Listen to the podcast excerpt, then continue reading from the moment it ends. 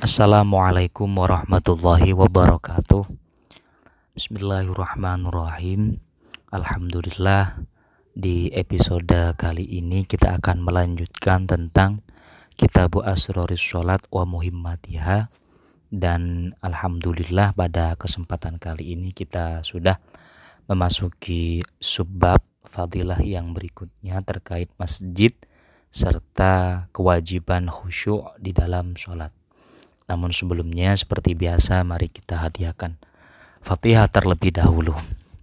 Ila hadratin Nabi Mustafa Muhammadin sallallahu alaihi wasallam wa ila hadrati azwajihi wa auladi wa dzurriyyatihi wa ikhwanihi minal anbiya'i wal mursalin wa sahabati ajmain wa tabi'it tabi'in lahum bi ihsan ila yaumiddin wa khususan ila muallif hadzal kitab wa jami'i muallifil kutubil lati ta'alamna wa 'alamna kitabahum wa jami'i masyayikhina wa muta'allimina wa ustadzina abana wa ummatina wa jaddina wa jaddina min masyarikil ardi wa magharibiha barriha wa bahriha wa jibaliha wa awdiyatiha wa usul ila jami'i muslimin wal muslimat wal mu'minina wal mu'minat. Al ahya'i minhum wal amwat syai'un lillahi lahumul fatihah A'udzu billahi minasyaitonir rajim Bismillahirrahmanirrahim Alhamdulillahirabbil alamin Ar-Rahmanir Rahim Maliki yaumiddin Iyyaka na'budu wa iyyaka nasta'in ihdinas siratal mustaqim siratal ladzina an'amta 'alaihim ghairil maghdubi 'alaihim waladdallin amin. Bismillahirrahmanirrahim Fadilatul masjid wa maudi'is wa maudi'us sholati. Keutamaan masjid dan tempat-tempat yang digunakan untuk sholat.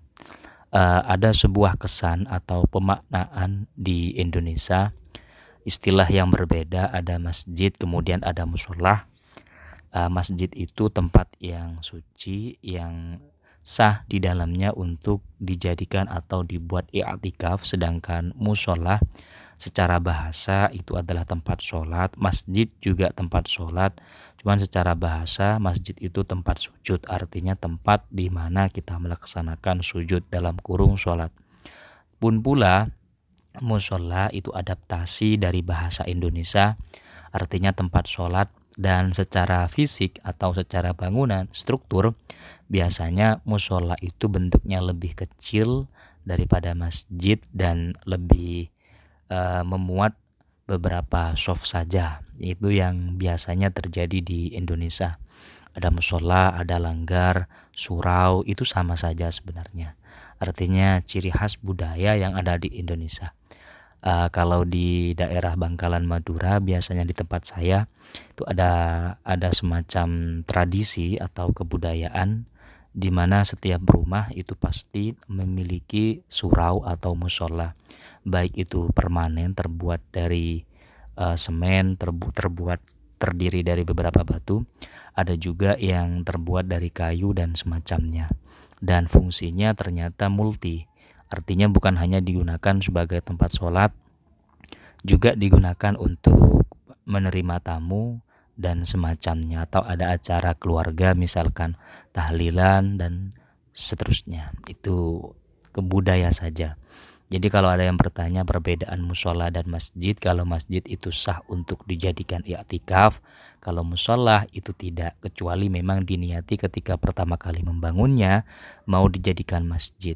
Bahkan Anda bisa membuat masjid mini di dalam uh, rumah Anda kalau memang ketika diniati membangunnya atau menciptakannya atau mendesain bangunan tersebut anda niati dijadikan sebagai masjid. Konsekuensinya, kalau ada salah satu anggota keluarga Anda yang haid atau yang junub, maka uh, haram untuk uh, al-muksu berdiam di tempat tersebut walaupun kecil. Misal ukuran 4 kali 3 atau 2 kali 3 di dalam rumah yang biasanya digunakan untuk sholat. Kalau diniati sebagai masjid ya itu sah-sah saja. Akan tetapi konsekuensi dan hukumnya akan mengikuti dengan hukum masjid yang berlaku di dalam kitab fikih.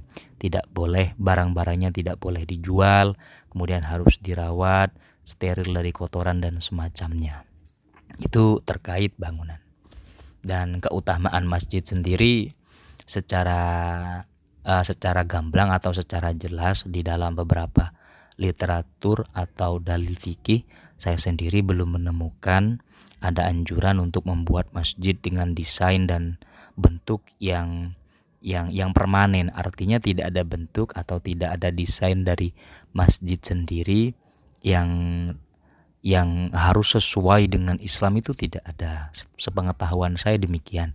Adapun masjid-masjid yang ada di Indonesia dengan corak ada kubahnya kemudian dengan corak masjid uh, desain yang uh, beberapa uh, arsitektur masjid yang ada di Indonesia mendesainnya mungkin uh, saya kira dan sepengetahuan saya kalau tidak salah itu mengadopsi dari beberapa kultur dan budaya yang ada di Pakistan, uh, yang ada di India atau uh, yang bermenara itu kalau tidak salah di uh, zaman zaman uh, Iran. Kalau salah kalau tidak salah itu mengadopsi dari Iran dan seterusnya. Kalau tidak salah ya. Uh, kalau anu mungkin uh, bisa di, dilacak referensinya terkait awal mula desain masjid yang ada di Indonesia kenapa ada kubahnya dan seterusnya. Untuk desain tetapnya tidak ada. Yang jelas kalau ada sebuah bangunan bangunan kemudian diniati menjadi masjid mau besar mau kecil di mana pun tempatnya maka hukum masjid akan berlaku bagi bangunan tersebut. Bismillahirrahmanirrahim. Qala Allah Azza wa Jalla. Penulis mengawali dengan mengutip firman Allah Innama ya'muru masajidallahi man amana billah wal yaumil akhir. Hanya orang-orang yang beriman. Karena kenapa saya memaknai dengan hanya? Karena di situ diawali dengan kata innama Innama itu di dalam literatur Nahu dan Sorof yang saya ketahui uh, itu makna taksis atau makna taksir menentukan, mengkhususkan, uh, mengelompokkan menjadi kelompok yang lebih tertentu, yang lebih spesifik. Uh, sehingga uh, ada menggunakan kata innama juga berfungsi sebagai penguat kalam. Sesungguhnya yang bisa meramaikan masjid adalah Allah. Eh, maaf, yang bisa meramaikan masjid Allah adalah man orang uh, amanah yang beriman kepada Allah dan wal yaumil akhir, orang yang beriman kepada hari kiamat. Uh, jadi hanya orang-orang yang beriman kepada Allah dan kepada yang kepada hari kiamat yang bisa meramaikan masjid. Adapun mereka yang beriman atau berorientasi kepada duniawi, baik itu sifatnya politik, baik itu sifatnya dagang ataupun finansial, itu semua bukan termasuk man amana billah wal yaumil akhir. Wa Nabi sallallahu alaihi wasallam, Nabi Muhammad uh, bersabda, "Membana lillahi masjid dan barang siapa yang membangun masjid karena Allah, walau kamas walau kamaf hasikopotin." Di sini diumpamakan walaupun uh, sepotong-sepotong layaknya burung yang sedang membangun sangkarnya. Artinya kan kalau Anda mungkin melihat seekor burung sedang membangun sangkar untuk ditaruh telurnya, Anda akan menyaksikan bagaimana burung itu membawa uh, jerami satu persatu sehingga tidak tidak langsung dalam satu bentuk bin salabin seperti itu. Walaupun susahnya seperti itu maka bana Allah akan membangun bana Allahu Allah akan membangun lahu untuknya baitan sebuah rumah fil jannati di di dalam surga. Uh, mungkin anda bisa cek di Dewan Masjid Indonesia. De mungkin Dewan Dewan Masjid Indonesia anda bisa cek berapa banyak masjid yang anda di Indonesia mulai dari Sabang sampai Merauke saya kira lebih dari ratusan ribu masjid yang dibangun. Setiap tahunnya ada renovasi ada masjid kemudian dan seterusnya. Jadi Alhamdulillah begitu banyak masjid yang ada di Indonesia.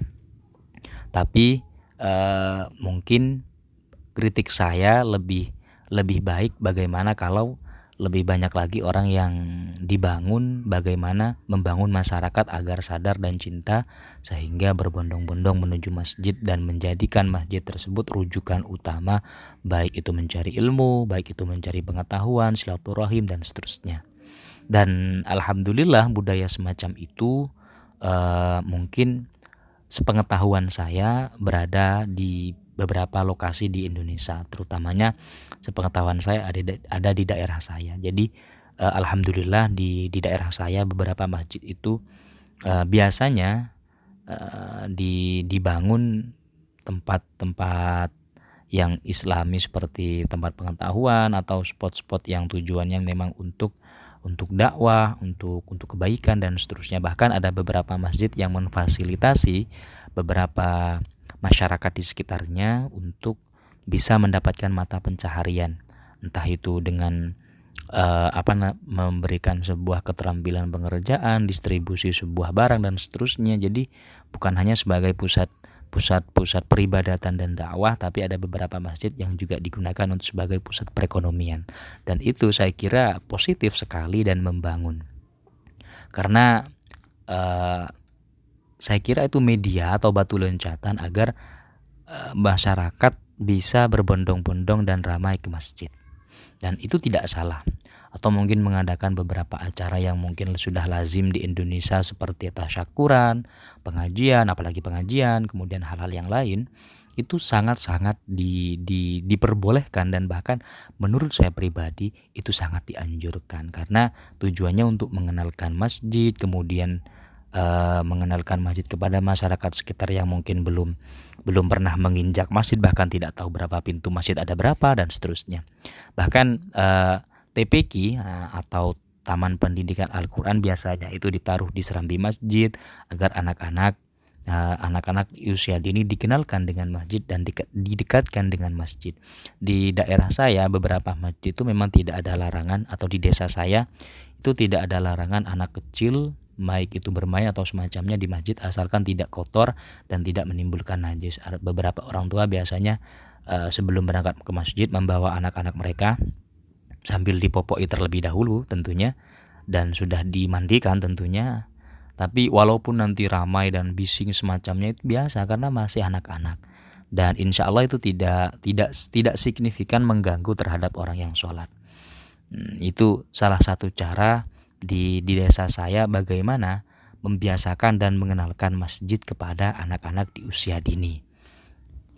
Ya mungkin di setiap masjid memiliki kebijakan dan ketentuan yang berbeda. Yang jelas masjid itu digunakan untuk beribadah. Waqala Nabi Shallallahu alaihi wasallam la sholata lijaril masjid illa fil masjid. Artinya maksudnya tidak ada sholat yang sempurna bagi orang yang bertetangga dengan masjid illa fil masjid kecuali dia sholat di dalam masjid. Hal ini mengindikasikan uh, kalau Anda bertetangga dengan masjid.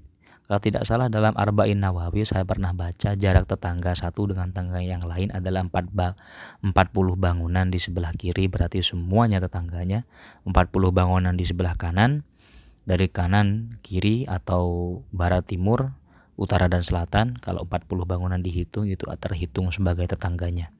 Jadi kalau jarak Anda dengan masjid itu kira-kira 2 sampai 1 km atau 2 km itu masih tetangga kayaknya ya. Jadi keutamaan orang yang bertetangga di masjid adalah sholat di masjid. Tapi uh, ini uh, mungkin tidak tidak begitu banyak orang yang tertarik dengan masjid mungkin entah itu karena pengelolaannya atau kebijakan takmirnya dan semacamnya saya juga kurang paham. Yang jelas kalau masjid saya kira itu sudah banyak sekali bahkan banyak orang yang berlomba-lomba membangun masjid tapi mungkin kekurangan jamaahnya. Kadang juga ada beberapa masjid yang diimami dan diadhani kemudian disolati oleh satu orang. Jadi satu orang itu merangkap menjadi imam juga merangkap menjadi makmum juga merangkap menjadi muadzin. Sangat lucu dan ironis sekali. Tapi ya faktanya memang seperti itu ya mau bagaimana lagi? Jadi kita harus uh, pandai-pandai mempromosikan masjid sebagai beberapa media yang digunakan mempromosikan, mempromosikan masjid dengan berbagai cara. Baik itu dari sisi finansial dari sisi sosial dan semacamnya. Jadi itu salah satu cara untuk meramaikan masjid seperti itu Waqala Nabi Shallallahu alaihi wasallam yakti akan datang ala nasi terhadap manusia zamanun suatu masa. Yatahallakuna fi masjidihi. Mereka membuat satu lingkaran satu satu halakoh di dalam masjid. Walai saham muhum ilat dunia dan apa yang mereka rencanakan apa yang mereka rencanakan dengan membuat uh, halakoh di dalam masjid itu tidak ada kecuali dunia. Walai salillah fihim. Dan apa yang mereka bicarakan di dalam lingkaran tersebut di dalam masjid tentunya uh, tidak ada unsur agamanya sama sekali. Falatu jalisuh maka jangan sampai mendekati majelis tersebut. Saya kira ini banyak terjadi ya di mana masjid dipolitisasi oleh beberapa oknum, oknum muslim yang menggunakan masjid sebagai sarana kebencian, menggunakan masjid sebagai sarana provokatif, uh, terlebih kemarin ketika kita tahu uh, menjelang menjelang pilpres, pilkada dan pileg semuanya uh, fasilitas masjid beralih fungsi menjadi media atau corong untuk menghalalkan atau membenci sesama. Bahkan uh, beberapa teman saya mendapati ketika ada khotib uh, khotib Jumat bukan bukan berwasiat kepada ketakwaan atau memberikan sebuah keteduhan kepada umat malah menjelek-jelekkan uh, orang lain yang tidak sepaham dengan dia bahkan sumpah serapah caci hina semuanya tumpah di dalam masjid. Dan tentunya itu sudah bukan lillahi taala. Walaupun yang mereka katakan berjuang di agama Allah berjuang di agama agama Allah tapi kalau memang sudah tidak sesuai dengan koridor apa yang disampaikan oleh baginda Nabi saya kira uh, saya rasa itu sudah sudah mengalih fungsikan fungsi dari masjid tersebut di mana fungsi dari masjid adalah murni ibadah tanpa ada campur tangan uh, politisasi tanpa ada campur tangan duniawi tanpa ada campur tangan ekonomi apa pun. Jadi kalau sudah di dalam masjid pure kita beribadah. Tanpa ada eh, hal-hal uh, lain yang yang harus kita lakukan di dalam masjid. Jadi kalau kalau ada mungkin beberapa oknum oknum muslim yang menggunakan masjid sebagai sebagai sarana kebencian, sarana provokatif, sarana yang digunakan untuk uh, mengadu domba dan seterusnya, saya kira orang tersebut sudah sangat kotor dan jelek sekali karena berani menggunakan masjid yang kesuciannya dijamin oleh baginda Rasul di dalam hadisnya sehingga orang tersebut uh, perlu didoakan agar sadar mungkin seperti itu. Perlu didoakan aran sadar. Dan hal itu sudah banyak terjadi sekali dan alham dan ini termasuk salah satu nubuah nabi. Artinya prediksi yang yang disampaikan oleh nabi yang sekarang sedang kita alami. Di mana masjid sudah uh, banyak beralih fungsi.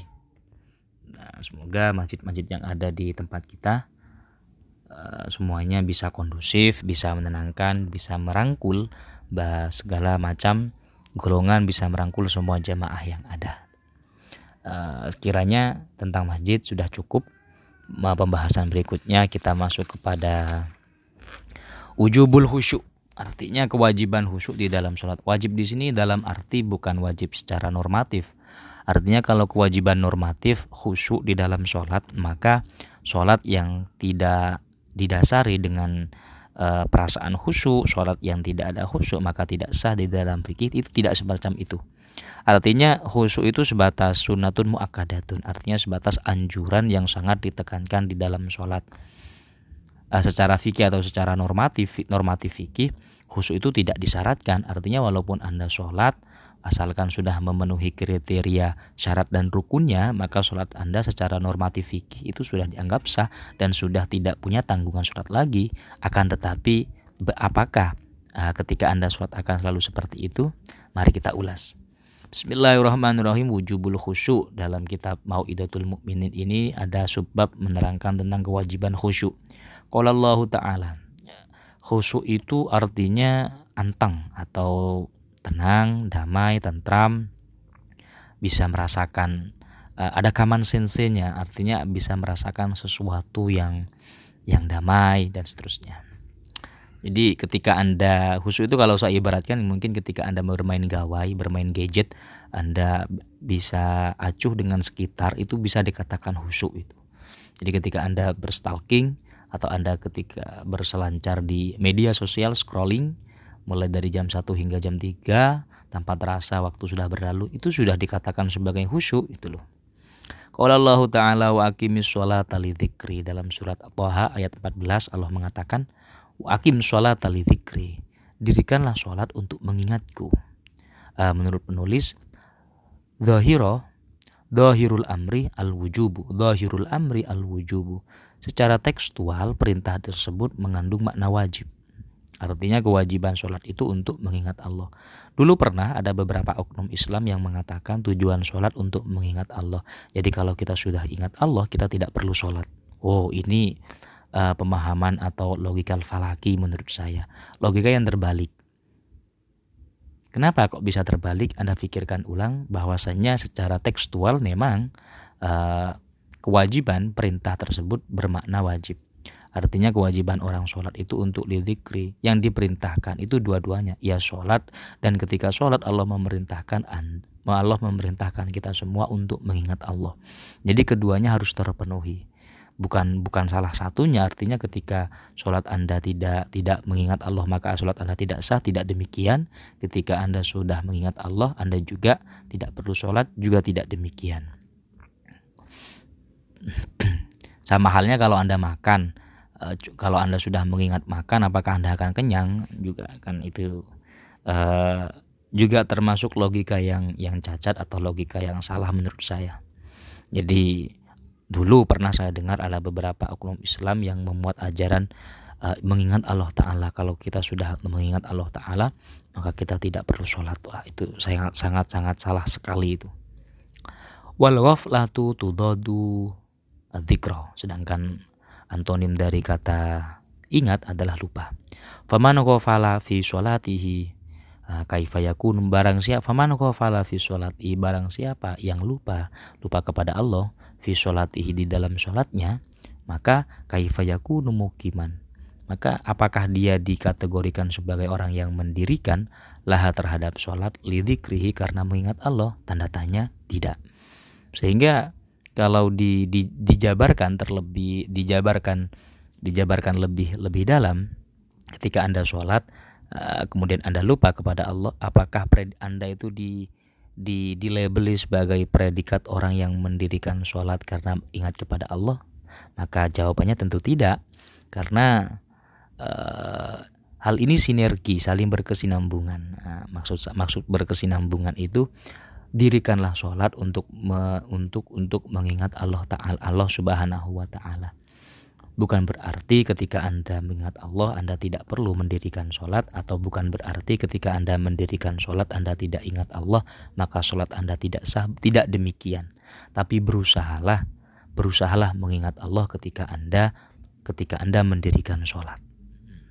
Wa subhanahu wa ta'ala wala takun minal ghafilin. Janganlah kalian menjadi orang yang lupa dari Allah. Wa Allah Ta'ala dalam surat Al-Mu'min Allah menyitir Qad aflahal mu'minun alladzina hum fi salatihim khashi'un. Sungguh beruntung aflaha. Siapa yang beruntung? Orang yang mukmin. Kemudian orang mukmin yang bagaimana?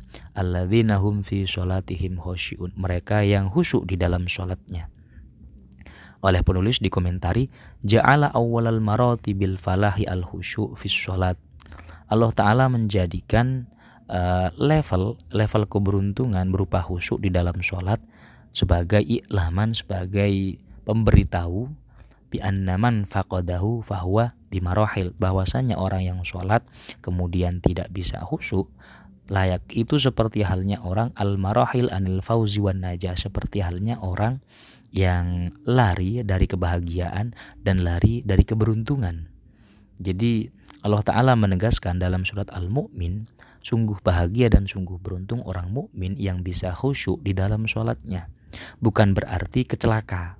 Artinya hanya keberun artinya keberuntungan dan uh, kemul dan an-najah keselamatan itu dimiliki oleh orang yang bisa khusyuk di dalam sholatnya. Indikasi khusyuk ini berat sekali terhadap orang yang melaksanakan sholat bahkan saya, saya secara saya secara pribadi pun belum bisa merasakan khusyuk di dalam sholat masih terus berusaha dan mengupayakan khusyuk di dalam sholat.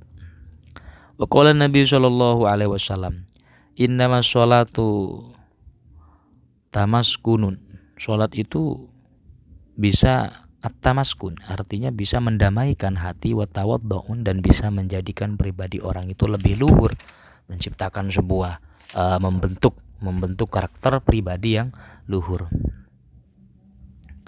Uh, uh, ada sebuah riwayat uh, ini bukan bukan sebuah hadis wallahu alam. Di sini di sini juga tidak ada footnote-nya. Saya cari juga tidak ada. Malam tanhahu Sholatuhu barang siapa yang sholatnya tidak bisa memproteksi dirinya atau mencegah dirinya anil fahsyai dari perbuatan yang keji wal mungkar dan perbuatan yang mungkar lam yazdad minallahi maka uh, maka dirinya tidak bertambah sesuatu dari Allah illa dan kecuali menjauh. Jadi barang siapa ketika melaksanakan sholat dan sholatnya tidak bisa menjadi proteksi benteng dari dirinya dari perbuatan yang tercela, dari perbuatan yang mungkar, maka dirinya tidak bertambah apa pun dari Allah kecuali semakin menjauh. Jadi benar di dalam salah satu ayat Al-Quran dikatakan inna sholata tanha anil fahsyai wal mungkar bahwasanya sholat itu bisa memproteksi seseorang dari kejelekan dan keburukan. Jadi kalau ada orang sholat, sholatnya tidak bisa uh, dan sholatnya tidak bisa merefleksikan kehidupan sehari-hari, artinya dalam kehidupan sehari-hari orang itu masih berlaku sebagai orang yang fahsya wal mungkar, maka jangan salahkan sholatnya, salahkan orangnya. Mungkin seorangnya itu ketika melaksanakan sholat tidak memenuhi dua unsur pokok di dalam sholat, yaitu syaratul qabul, syarat di mana sholat itu bisa diterima, dan syaratul sihah, syarat di mana sholat itu secara normatif fikih dikatakan sah. Jadi ada dua komponen yang harus dimiliki oleh seorang ketika sholat. Terlebih ketika dia ingin menggapai predikat khusyuk Ada dua pintu atau dua hal yang harus dimiliki. Yang pertama adalah syartu sihat normatif fikih mulai dari wudhunya, menutup aurat, menghadap kiblat, bacaannya, takbiratul ihram, kemudian sujud rukuknya, i'tidalnya, tumak ninahnya, tasyahud, dan salam. Semuanya harus sesuai dengan standar fikih dari berbagai madhab. Kemudian setelah semua setelah syarat rukunnya terpenuhi berarti syarat yang kedua adalah syaratul qabul, syarat di mana atau kriteria sholat yang bisa diterima oleh Allah Subhanahu wa taala. Salah satunya adalah dengan hudurul qalbi, di mana hatinya benar-benar hadir ketika dia sholat dalam tanda kurung merasakan khusyuk di dalam sholat. Nah, sehingga dikatakan uh, apa? Dikatakan malam tanha sholatuhu anil fahsya barang siapa yang uh, sholatnya tidak bisa memproteksi pribadinya dari perbuatan keji dan mungkar maka dia tidak bertambah apa pun dari Allah kecuali dia semakin menjauh Mungkin ini adalah salah satu korelasi antara sholat dengan perbuatan keseharian. Ada signifikansi yang begitu besar, yang begitu banyak antara sholat dengan perbuatan orang. Mungkin Anda bisa membaca beberapa artikel, beberapa riset tentang uh, ibadah dan perilaku perilaku sosial di mana memang di situ ada keterkaitan yang sangat besar antara perilaku moral, perilaku sosial dengan seorang yang melaksanakan ibadahnya, terlebih sholatnya dengan cara yang baik dan benar sesuai dengan tuntunan syariat, sesuai dengan tuntunan baginda Nabi Muhammad Shallallahu Alaihi Wasallam. Wahakaan Muslim bin Yasar annahu kana yusolli fil masjidil Basroh uh, Muslim Muslim bin Yasar suatu ketika sholat di Masjid Basrah. Fasakoto haitun kemudian uh, tembok masjid tersebut itu meng, uh, roboh. Fafaza ahlus suk uh, kemudian uh, penghuni pasar atau yang berada di pasar terkaget dengan kejadian tersebut. Walamma huni abi salamatihi ajabah. Kemudian ketika ada kabar bahwasanya uh, Muslim bin Yasar uh, selamat dari kejadian tersebut, uh, penduduk pasar itu merasa heran, kagum.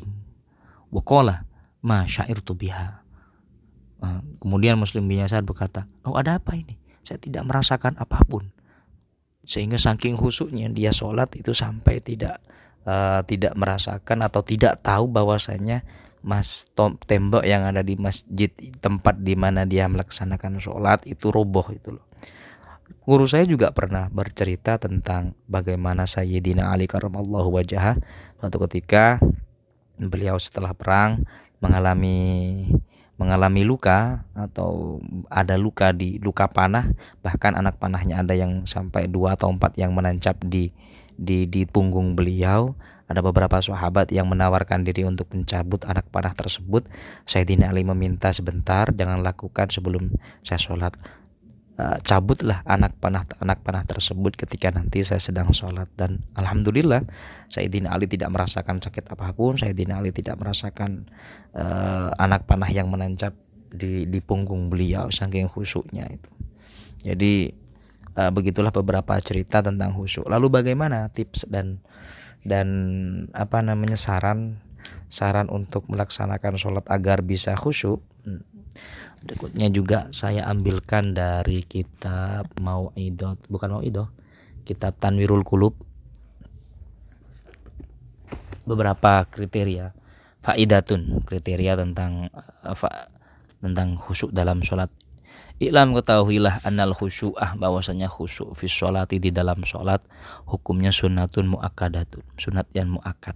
Hatta qala an-nawawi eh bukan maaf. Hatta qala ats-tsauri Imam Sufyan ats-tsauri berkata malam yakhsha barang siapa yang tidak bisa khusyuk fasadat maka rusak uh, sholatuhu sholatnya. Kemudian menurut Imam Sufyan As-Sauri maksudnya rusak itu ya sholatnya tidak memiliki dampak apa pun di dalam kehidupannya terlebih dalam keberagamannya uh, kemudian uh, faida ataita ada tips ini dari Tanwirul Kulub faida ataita ila sholati kalau anda sudah melaksanakan sholat atau akan akan melaksanakan sholat pertama fa'afri kolbaka kosongkan hati anda dulu mingkul syawagil dari hal-hal yang bisa menyibukkan hati Anda. Terlebih ad-dunyawi, hati sifatnya yang duniawi. Mustahdiron haibatan maulaka. Kemudian hadirkan rasa takut, rasa sungkan terhadap Allah Ta'ala. Muta'amilan serta uh, sambil ber berangan fima takro'ahu. Apa yang Anda baca di dalam sholat. Mulahidon kulla khindal, mulahidon inda kulil khitobi serta mm, lirik lah atau uh, tekunilah setiap kalam hitop omong-omongan yang ada di dalam kitab karena uh, orang sholat itu kan sedang bermunajat sedang berbisik kepada Allah sehingga ada kalam hitop uh, kayak orang berbincang gitu loh. Di dalam ayat iya karena butuh ada kalam hitof kaf hitofnya itu kan kepada hanya kepada mu munya itu kan kembali kepada Allah. Bayangkan Anda sedang berbicara mu itu ada Allah di depan Anda atau Allah sedang melihat Anda? Itu hmm. Faida sajatta ketika Anda melaksanakan sujud eh maaf faida rokakta ketika Anda melaksanakan ruku falahaddu an hadal inhina tawadduan li azumati maka yakinilah bahwasanya posisi Anda tersebut sedang mengagungkan keagungan Allah Ta'ala.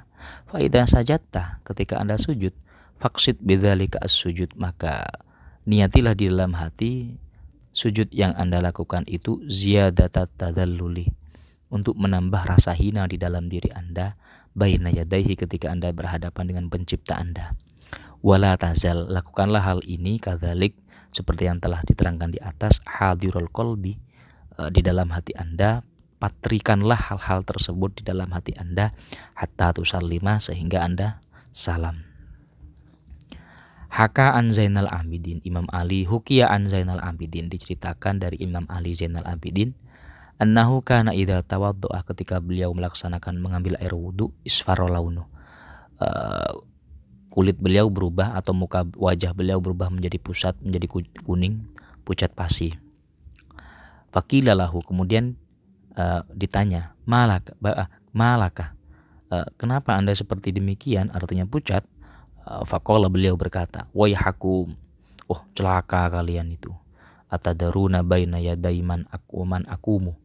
Apa kalian tidak tahu siapa yang akan saya hadapi? Waliman uridu an unaji dan siapa yang akan aku mintai pertolongan dan uh, kepada siapa setelah ini aku berhadapan jadi Bahkan Imam Ali Zainal Abidin itu sudah sudah khusyuk sebelum beliau sholat. Nah, itu bisa terlihat dari ekspresi beliau ketika mengambil wudhu. Pucat, takut, khawatir, cemas, resah, dan semacamnya.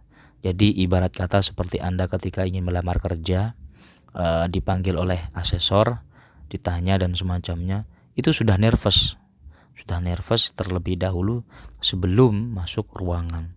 Wajah Anda sudah pucat, keringat dingin keluar, uh, ingin kencing melulu, dan semacamnya. Itu perasaan-perasaan nervous yang dialami oleh Imam Zainal Abidin ketika wudhu. Karena beliau tahu dan yakin hmm, ketika sholat beliau berhadapan dengan penciptanya. Nah, mungkin itu bisa menjadi tips dan saran kepada ada ketika sholat agar bisa husuk bagaimana caranya?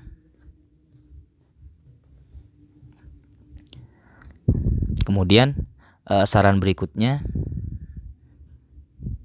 Amma ta'lam annahu muttali'un ala sarirotik Ketahuilah bahwasanya Allah yang sedang Anda sholat yang eh, ah, maaf Allah ta'ala muttali'un ala sarirotika itu bisa melihat terhadap uh, hati Anda wa nadhirun ila qalbika juga bisa mengetahui rahasia Anda wa innama yataqabbalu min sholatika biqadril khusyu' jadi kalau sholat usahakan untuk khusyuk, khudu dan tawaddu, tadarru Fa'bud fi sholatika. Beribadalah dalam sholat Anda ka'annaka tarahu. Layaknya Anda melihat Allah. Fa'ilam takun tarahu. Kalau Anda tidak bisa melakukan hal semacam itu. Fa'innahu yarok. Maka yakinilah bahwasannya Allah Ta'ala bisa melihat Anda. Fa'ilam yahdur kolbak. Fa'ilam yahdur uh, kolbuka dimada karena kalau dengan hal-hal yang telah saya terangkan di awal hati Anda masih belum bisa tergugah walam takun jawarihuka dan uh, anggota anggota Anda itu tidak bisa tumak nina seperti yang dikatakan di awal. Nah, kenapa? Likusuri ma'rifatika bi jalalillahi ta'ala karena sempitnya atau terhalangnya pandangan kita kepada Allah Subhanahu wa taala faqaddir maka saran berikutnya faqaddir anna rajulan sholihan maka Eh, bayangkanlah ada seorang laki-laki yang soleh atau orang yang berpengaruh atau mertua Anda atau orang yang membuat Anda takut baik itu siapa pun yang turu ilaika sedang melihat Anda.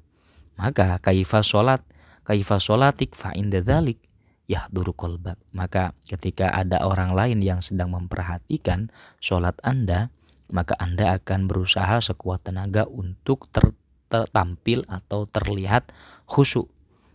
Tumarji ila nafsik. Dan kalau sudah demikian maka kembalikan kepada hati anda.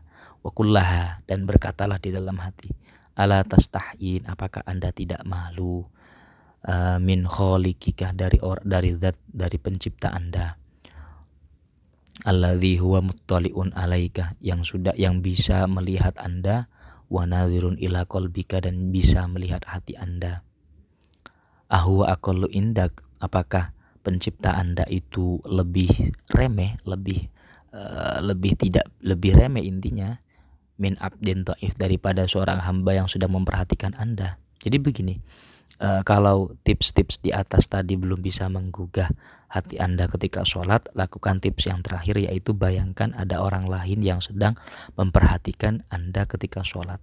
Maka Anda akan tampil uh, sebagai orang yang baik dan benar di dalam sholat Anda. Nah, ketika sudah tampil semacam itu, maka kembalikan ke dalam hati Anda. Anda uh, tidak malu, apakah Anda tidak malu menyempurnakan, ingin terlihat baik sholatnya di hadapan orang lain, padahal Allah Ta'ala bisa mengetahui isi hati Anda. Kenapa Anda tidak malu? Kenapa Anda tidak bisa khusyuk? Nah, mungkin itu tips yang yang yang yang ringan yang bisa Anda lakukan uh, untuk mendapatkan predikat khusyuk di dalam sholat Anda.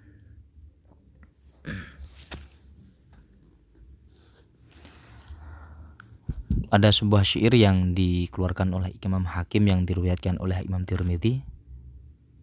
Tasalla bila kolbin sholatan bimisliha yakunul fata mustaujiban lil ungkubatih.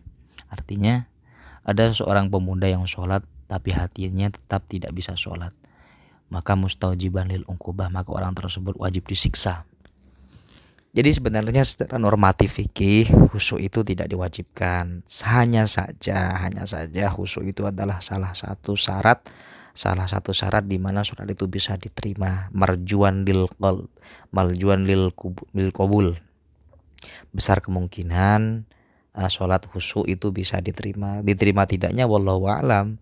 Kalau khusyuk itu tidak bisa diterima oleh Allah Subhanahu wa taala yaitu hak prerogatif Allah. Tapi sebagai seorang hamba kita dianjurkan dan diinstruksikan untuk melaksanakan sholat dengan sebaik-baiknya. Bahkan Allah berkata qad aflahal mu'minun alladzina hum fi sholatihim khashi'un walladzina hum anil lagwi mu'ridun dan seterusnya. Al-ayah Hal tersebut mengindikasikan betapa perhatian Allah kepada uh, kepada sholat yang yang kita lakukan setiap kali. Dan semoga tips-tips di atas bisa mengantarkan kita lebih khusyuk, lebih lebih tenang, lebih rileks di dalam melaksanakan sholat. Uh, mungkin beberapa tips yang yang penting yang perlu saya ulangi adalah Sholatlah seakan-akan Anda melihat Tuhan. Kalau Anda tidak bisa melihatnya, maka yakinilah di dalam hati Anda bahwasanya Anda sedang dilihat oleh Tuhan. Atau mungkin dengan cara yang paling ringan yaitu yakinilah ada orang lain yang sedang memperhatikan kita ketika sholat.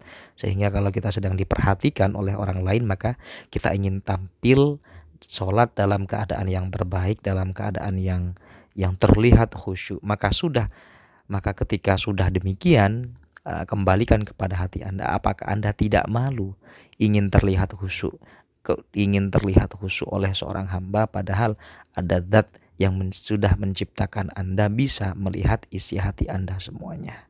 Mungkin hanya itu saja yang untuk episode kali ini yang bisa saya sampaikan. Semoga bermanfaat.